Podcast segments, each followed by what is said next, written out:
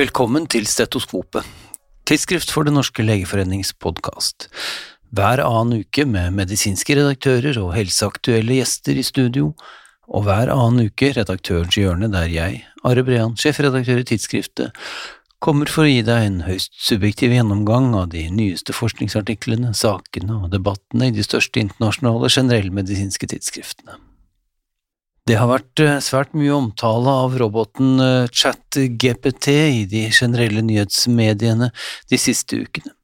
Mye har vært preget av bekymring for hvordan denne type teknologi vil endre alt fra skoleverk til journalistikk i de kommende årene. I de vitenskapelige tidsskriftene er man naturlig nok aller mest opptatt av hvordan dette vil kunne endre vitenskapelig publisering. Allerede figurerer roboten som medforfatter på i alle fall fire ulike vitenskapelige artikler som tidsskriftet Nature har greid å spore opp så langt. En av dem er en preprint-artikkel som ble publisert på preprint-serveren Med Archives i desember, der roboten står som en av tolv forfattere, de andre formodentlig mennesker. Og roboten står også oppført som eh, en av to forfattere på en lederartikkel nylig publisert i tidsskriftet Nurse Education in Practice. Den artikkelen er for øvrig riktig lesverdig om du skulle være interessert i å finne ut hvordan en robot skriver. Og som vanlig finner du lenken til artikkelen i omtalen av denne podkastepisoden på nett. Men kan en robot egentlig være medforfatter av en vitenskapelig artikkel, eller en lederartikkel for den del? Nei, mener mange. Vancouver-kriteriene for forfatterskap krever jo at alle forfattere tar ansvar for innholdet i artikkelen de er medforfattere på. Det innebærer både et intellektuelt og et juridisk ansvar, og ingen av delene kan en robot ta. Det er i alle fall holdningen til de aller fleste vitenskapelige tidsskriftsredaksjoner og utgivere. Verken tidsskriftet Science eller Nature vil akseptere en robot som medforfatter, ifølge begge disse tidsskriftene, og det vil heller ikke vårt eget tidsskrift, om du lurte på det. Ifølge eksperter som Nature har snakket med, er det også et problem at selv om roboten er i stand til å skrive riktig så gode generelle artikler om nær sagt et hvilket som helst emne, så er den betydelig dårligere til å skrive mer tekniske tekster som ofte vil inneholde både feil og unøyaktigheter. Feil og unøyaktigheter som kan være vanskelig å oppdage for folk uten spesialkunnskap i feltet. I slike tilfeller vil roboten også ofte gi ulike svar dersom man spør det samme spørsmålet flere ganger. Det er grunnen til at for eksempel Nature nå krever på lederplass at forskere som bruker denne teknologien må oppgi at den er brukt i metodeavsnittet i artikkelen. Hvis ikke, skriver Nature, trues en av vitenskapens bjærebjelker, den viktige transparensen som sikrer at vi vet hva som er gjort, hvordan det er gjort, og av hvem det er gjort.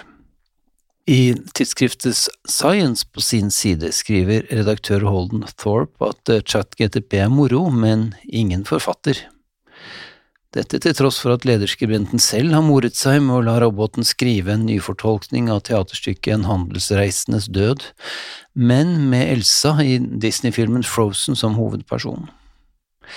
Nå er vel akkurat det noe snodig, om en underholdende idé, men uansett, Science siterer en ureferert studie som fant at vitenskapelige fagfeller bare hadde klart å avsløre noe over 60% av vitenskapelig abstrakt som var skrevet av denne roboten og ikke oppgi at man har hatt hjelp av en robot til å skrive en akademisk tekst, mener Science det er forskningsjuks, på linje med billed- eller datamanipulasjon, eller rent ut sagt plagiat.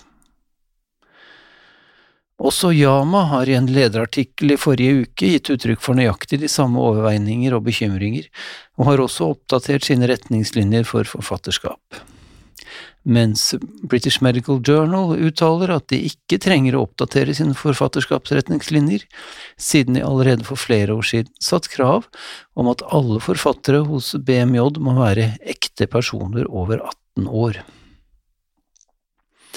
Og kanskje kan det passe å avslutte dette temaet med noen beroligende ord fra en kunstig intelligensforsker fra Stanford, som til British Medical Journal uttaler at Kunstig intelligens har en historie med massiv overhyping. Det kommer ikke til å komme en robotlege i morgen. Så får vi trøste oss med det. Og nå over til globalt infeksjonsnytt. Aller først til kolera, som i 2022 har vært på fremmarsj etter mange år med færre og færre kolerautbrudd i verden. I 2022 ble kolerautbrudd rapportert i 29 ulike land, og for 13 av disse landene var det da mange år siden sist koleraen hadde hjemsøkt landet. Det er Yama som skriver om dette og siterer tall fra Verdens helseorganisasjon.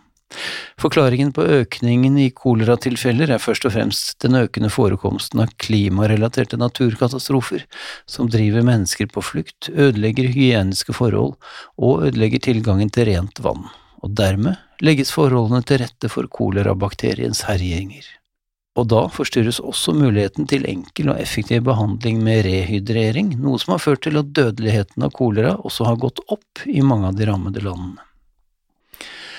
Mer infeksjon, eller kanskje rettere infeksjonsprofylakse, for intravenøs antibiotika er standard behandling etter appendektomi ved kompleks appendisitt, det vil si der det har tilkommet perforasjon, absess eller peritonitt etter appendisitten. Ofte benyttes da fem dagers intravenøs antibiotika, og det norske helsedirektoratet anbefaler for eksempel tre til fem dager i sine retningslinjer. Men evidensgrunnlaget for denne varigheten er mangelfull.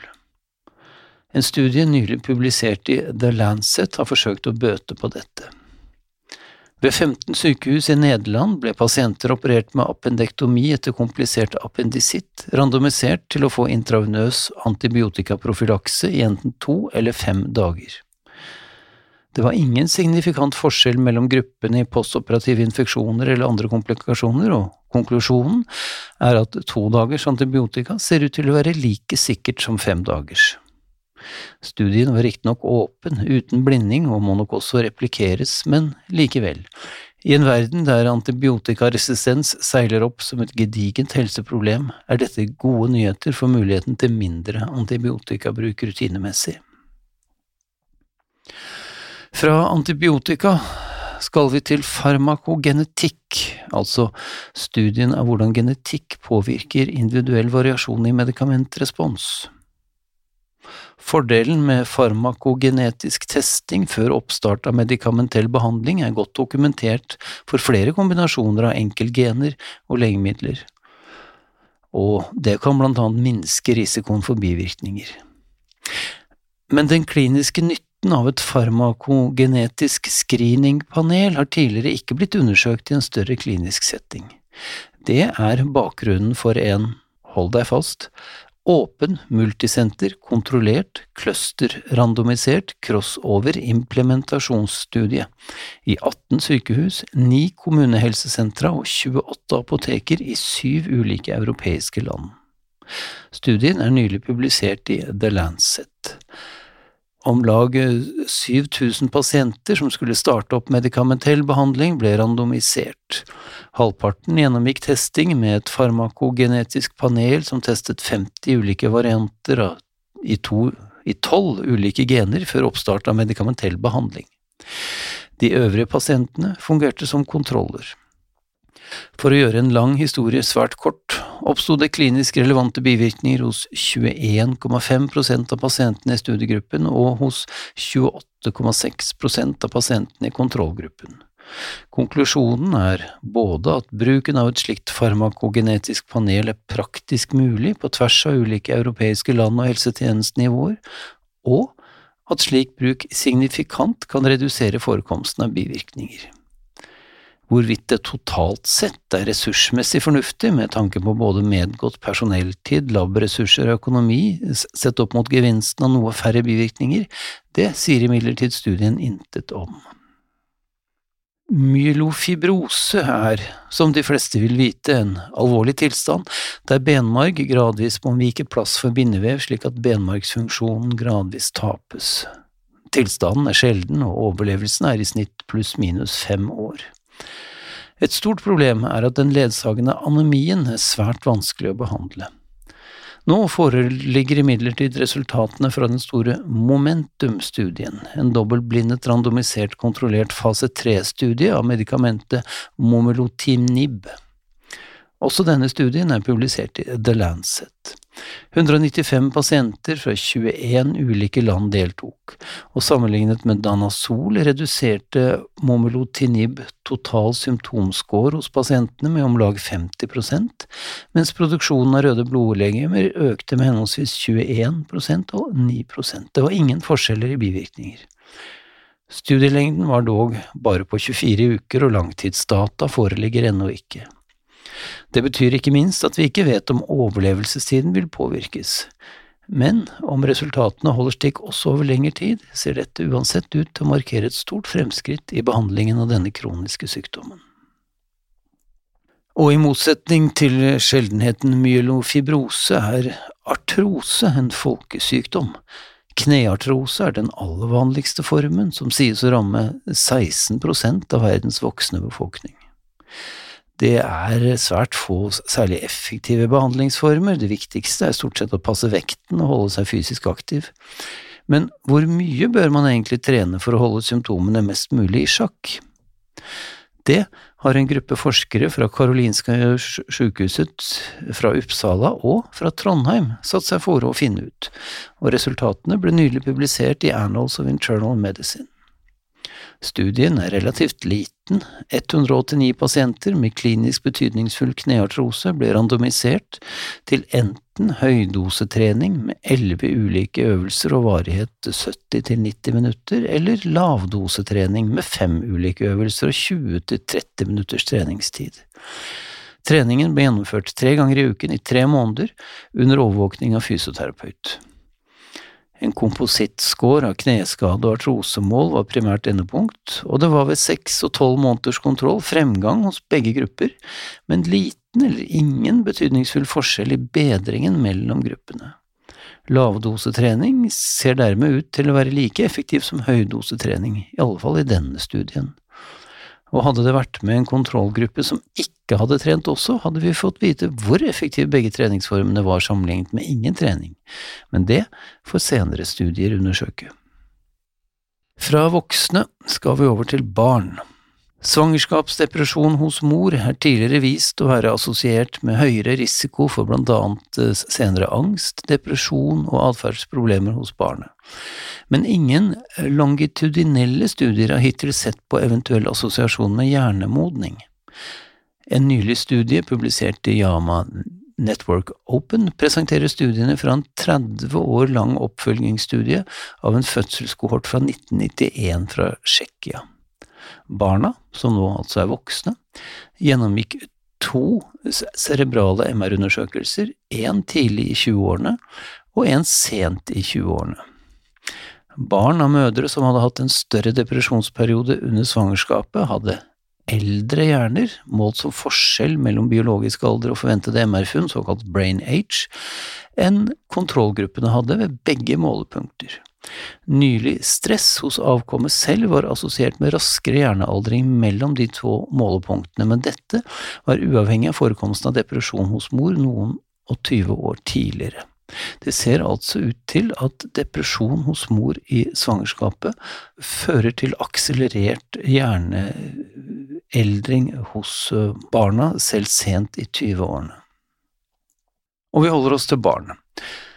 Verdens første prøverørsbarn, unnfanget med in vitro-fertilisering, såkalt IVF-teknikk, ble født i 1978. Siden den gang har det blitt født over åtte millioner barn unnfanget med denne teknikken verden over. Det er vel kjent at risikoen for svangerskapskomplikasjoner er høyere i svangerskap startet på denne måten enn med naturlig unnfangelse. Men det er fortsatt svært få langtidsdata om hvordan det ellers går med disse barna. I tidsskriftet PLOS ble det nylig publisert resultater fra en australsk kohortstudie med over 4500 IVF-barn. Fysisk og psykisk helse, sosial kompetanse, emosjonell modenhet, kognitive evner, generelt kunnskapsnivå og kommunikasjonsevner ble alle målt ved syv til ni års alder med ulike standardiserte tester, og resultatene sammenlignet med resultater fra over 150 000 australske skolebarn naturlig unnfanget. Det var ingen signifikante forskjeller mellom de to gruppene på noen av de målte parameterne, og konklusjonen er at IVF-barn ser ut til å utvikle seg helt som andre barn. Et betryggende funn for alle som vurderer å prøve IVF-befruktning for å få et etterlengtet barn. Så, til slutt, og nærmest for balansens skyld, skal vi ta med en studie som undersøker den andre enden av livet, nemlig sammenhengen mellom livsstil og kognitiv aldring hos mennesker over 60 års alder. En studie publisert i British Medical Journal i forrige uke har fulgt nesten 30 000 personer over 60 år som alle hadde normal kognisjon fra 2009 til 2019, altså i ti år. Ved starten av studien ble graden av sunne spisevaner målt, det samme ble graden av fysisk aktivitet, sosial kontakt, kognitiv aktivitet, røyking og alkoholbruk. Deltakerne ble delt i tre grupper, de som skåret i den sunne enden av fire til seks av disse livsstilmålene, de som skåret høyt i to til tre av dem, og de som skåret høyt i bare én eller ingen av dem, altså de usunne. I løpet av oppfølgingsperioden hadde gruppen med den sunneste livsstilen signifikant langsommere normal svekkelse av hukommelsen sammenlignet med gruppen med usunn livsstil. Dette gjaldt også for de som var bærere av apolipoprotein E4-allelen, altså som hadde en i utgangspunktet høyere risiko for hukommelsestap enn andre. En sunn livsstil altså ser ut til å beskytte mot aldringsrelatert hukommelsestap, selv hos de som befinner seg i risikosonen for nettopp dette. Og det var dagens siste artikkel. Som vanlig er det så enormt mye vi ikke rakk å ta opp av alle de morsomme og viktige artiklene i den medisinske litteraturen de siste par uker. Og om du ikke husker noe annet, så husker i hvert fall dette fra dagens siste artikkel. Spis gulrøttene dine, hold deg i form både fysisk og mentalt, og du vil lede både lenger og huske bedre. Og så høres vi neste gang.